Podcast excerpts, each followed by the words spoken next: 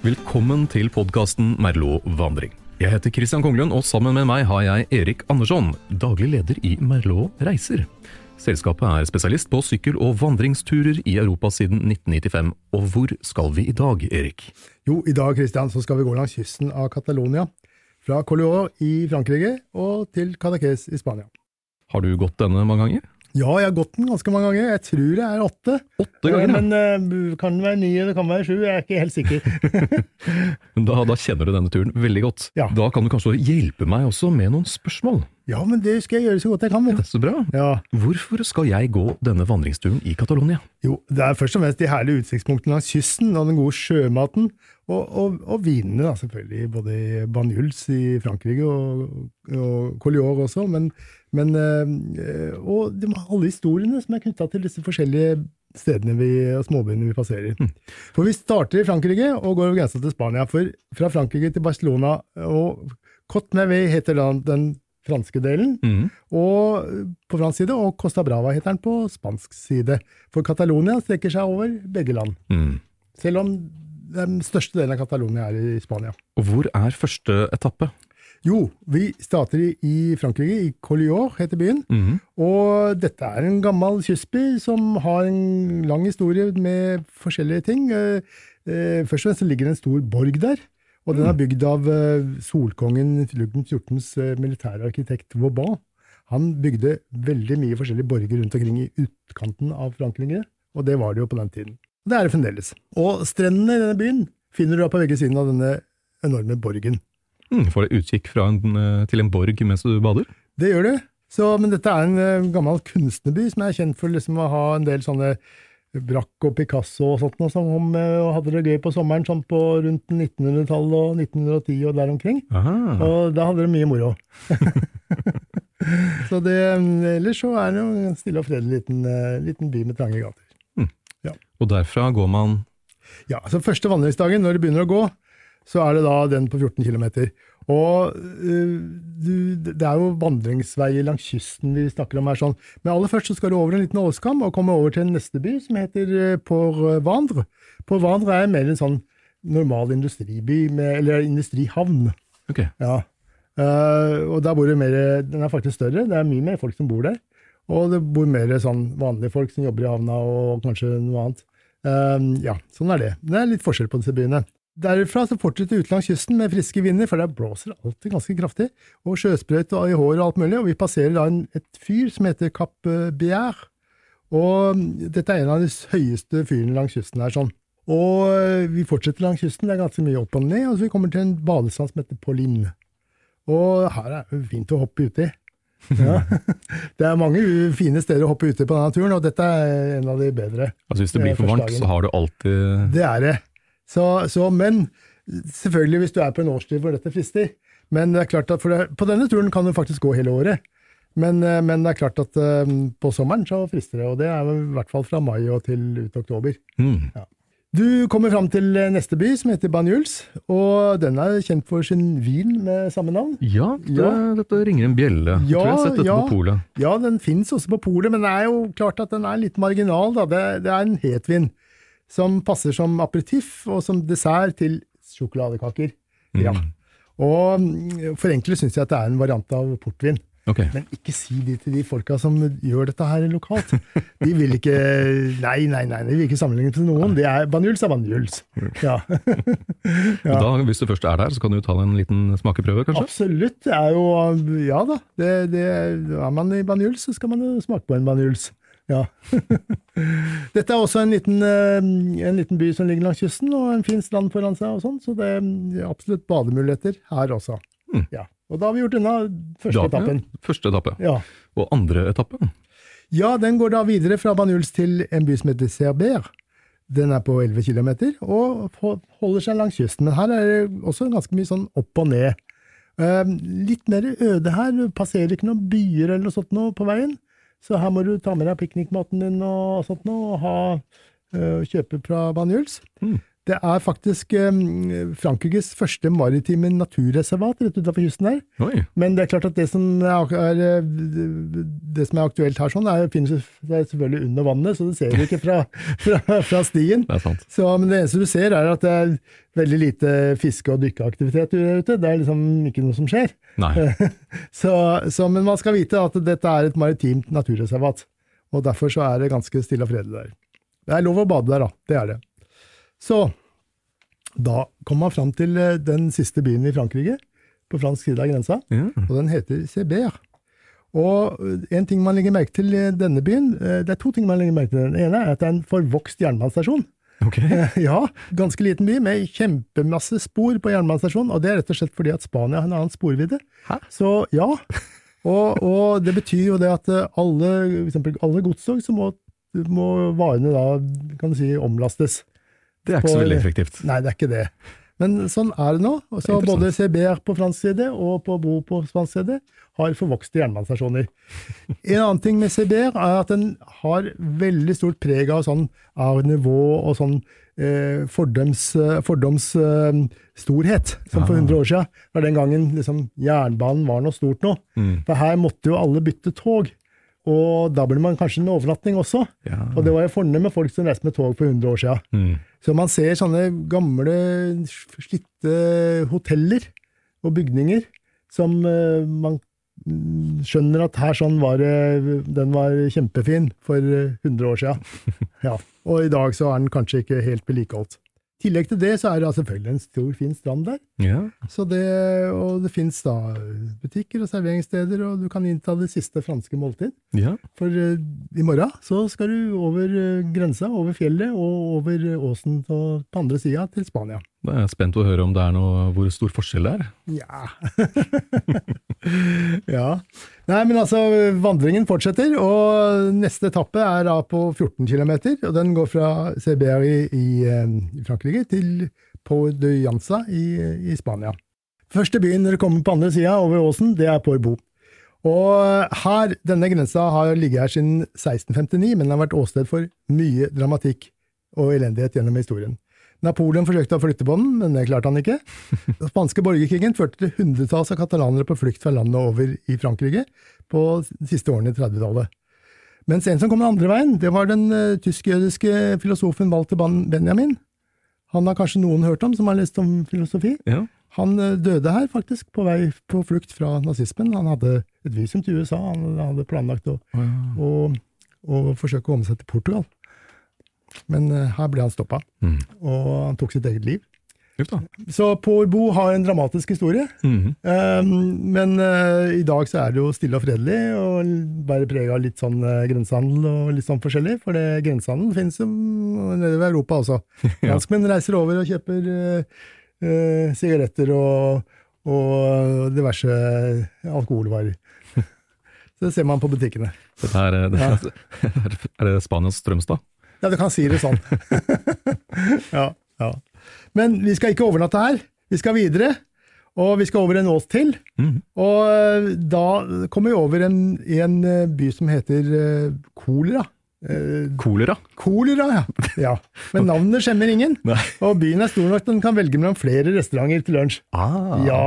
Så det, det Jeg vet ikke hva kolera betyr på spansk, men det betyr kanskje noe annet enn på norsk. Men ja. Man ja. husker det navnet i hvert fall. Ja da, ja da. Og videre på veien på ettermiddagen så er det da lett kystvandring med mange bademuligheter. Og dagens vandring eh, så, så ender det opp i en by som heter Podianza. Mm. Som er en fiskeby med fiskemottak, ordentlig fiskemottak, jeg har vært og sett på det. Og mange fine restauranter som ligger da rundt i havna der. Så der er, kan du kose deg med god fiskemat. Men hvis man er litt sliten i bena, eller det er litt uh, dårlig vær, er det noe man kan eh, Ja, på de tre første etappene her sånn, så går det et tog som man kan jukse med. Ok. Og her på den siste etappen så er det faktisk flere stopp. Så Mm. man kan øh, både i, både i, i øh, på Bo og i Kolera kan man hoppe av. Eller hoppe på. Eh, Det er bra, da. Det er Ja. bra at man har litt alternativ. ja, så er du sliten, så er det øh, bare å jukse. Det bryr ikke vi oss noe om. Nei. På neste etappe Ja, da har vi kommet inn i spanske delen av eh, Catalonia. Og mm, da skal vi gå fra mm, El Pau de Anza til El Pau de la Selva. Nå skal vi opp i fjellet. Opp, litt opp i høyden. Ikke så veldig høyt, men mm, 400-500 meter opp. Ok. Ja. Vi kommer opp til et eh, gammelt kloster som heter San Pedro de Rhodes. Og eh, den, det er et nedlagt kloster i dag. I dag er det et museum. Men det er også et eh, UNESCO-minnesmerke, og det var, her var det et gammelt benediktinerkloster. Og dette var en av Catalonas Catalonias viktigste religiøse minnesmerker, faktisk. Mm, det er jo fint å kunne stikke innom og se på det. Ja, og man skal ha med seg litt kultur når man er ute og går også. Ja, Så, så det er helt klart. Og her oppe fra klosteret så har du en veldig fin utsikt, selvfølgelig, over eh, Middelhavet. Og du ser disse byene vi har kommet fra, og dit vi skal videre. Så, etter klosteret så er det svingete sti nedover, og tar det raskt ned til byen El Selva del Mar. Her fins det flere barer som du kan uh, slukke tørsten med. Det har jeg gjort sjøl et par ganger. Så kan absolutt anbefale å stikke innom den første. Den er helt grei. og etter det så er det lette småveier ut mot kysten, og snart ser du skiltet som ønsker deg velkommen til El de la Selva.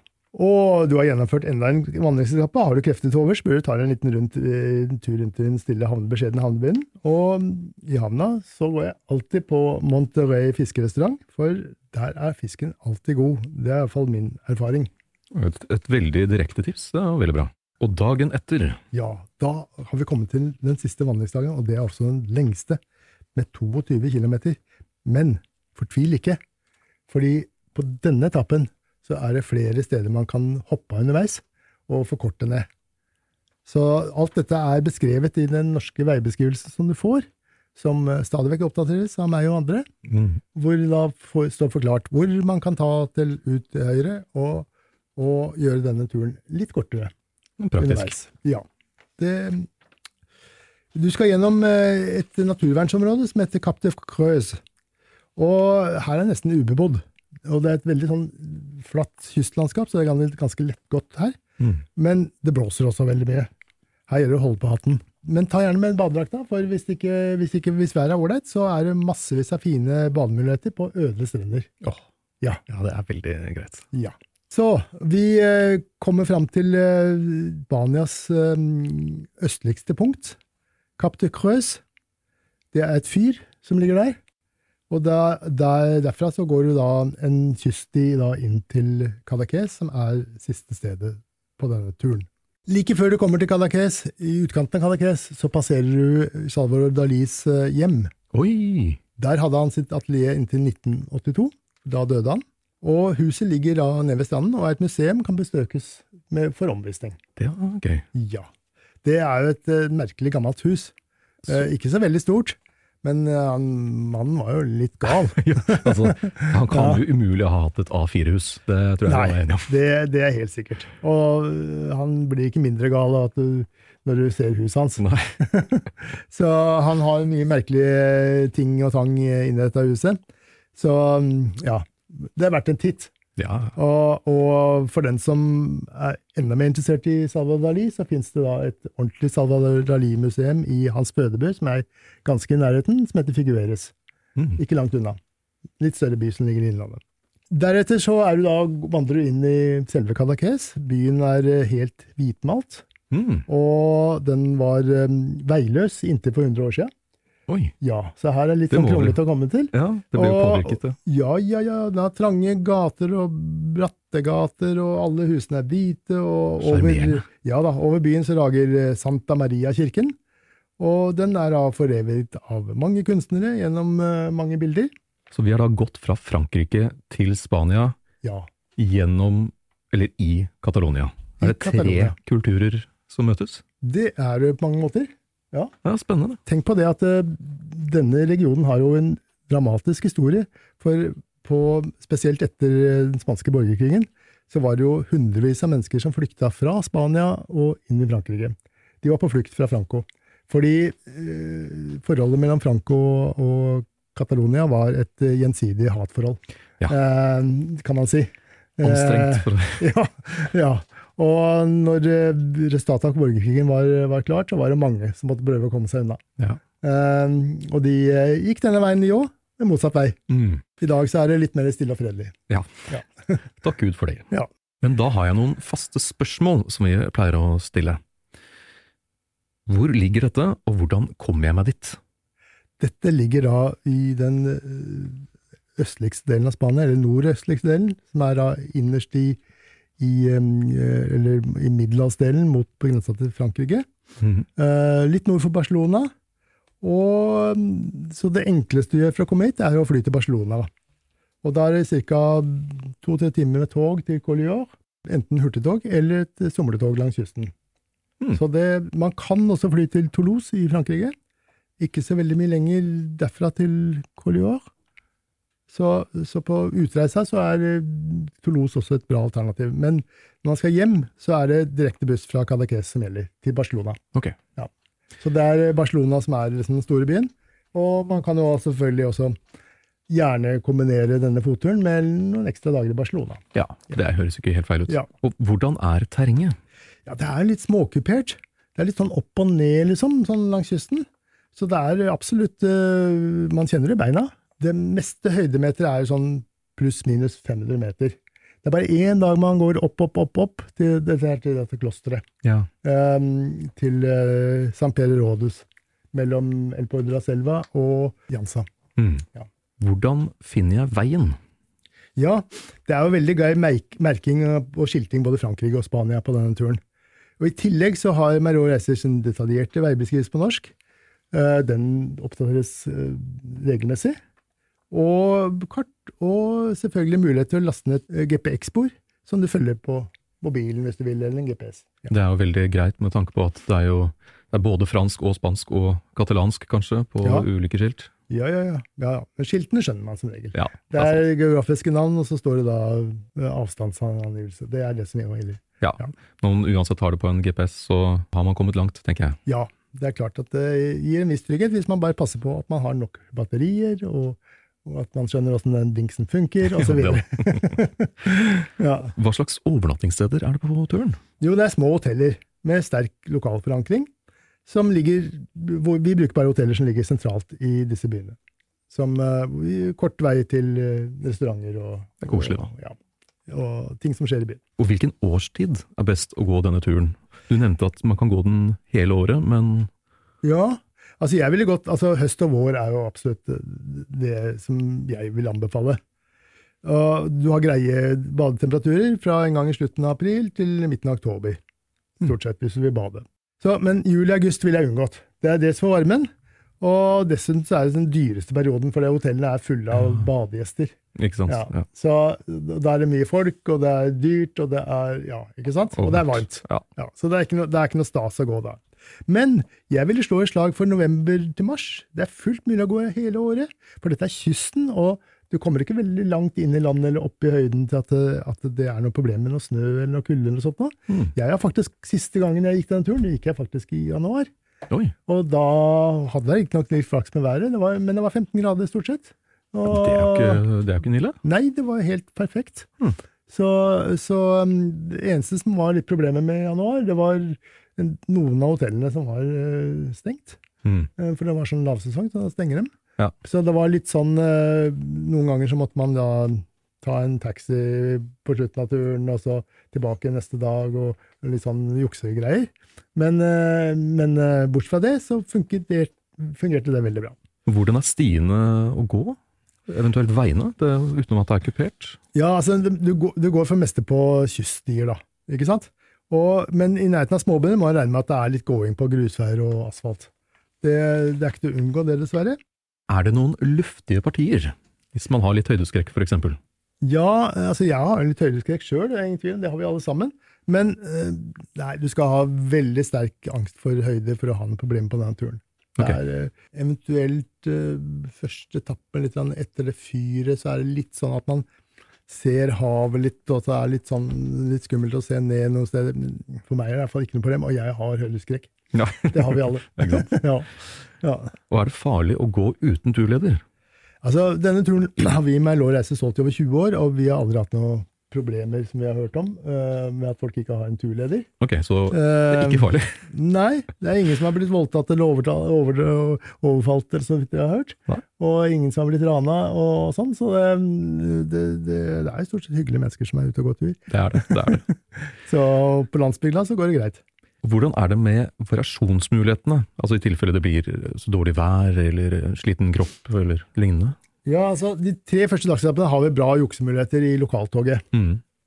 De to siste dagsetappene så er det taxi som gjelder, hvis man skal avstå. Okay. Fra, og da er det jo at man må avstå fra hele turen, da.